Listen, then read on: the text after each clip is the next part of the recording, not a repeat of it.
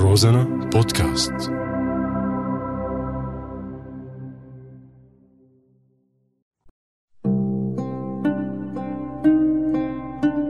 بعدك على بالي.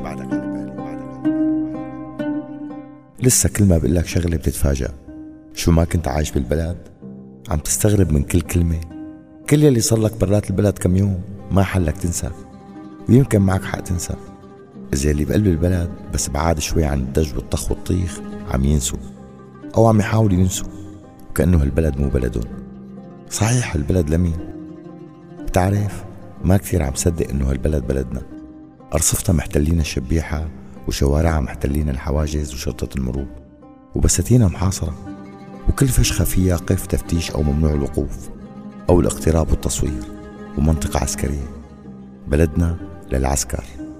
العسكر ماسكينها بخبزة وملحة وميتها وطرقاتها ومفارقها العسكر بكل قرنة. إذا بتسرح شعرك بيطلع لك عسكري. اللون المموه هو لون الموضة الدارج بالبلد.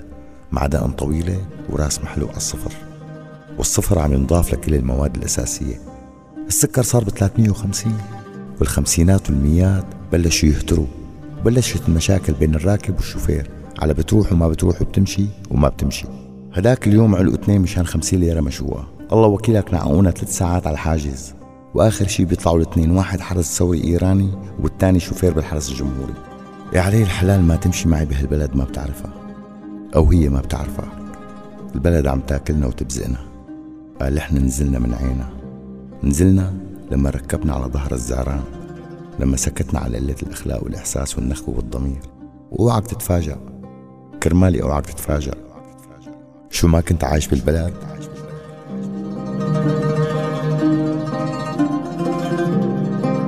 وبعدك على بالي.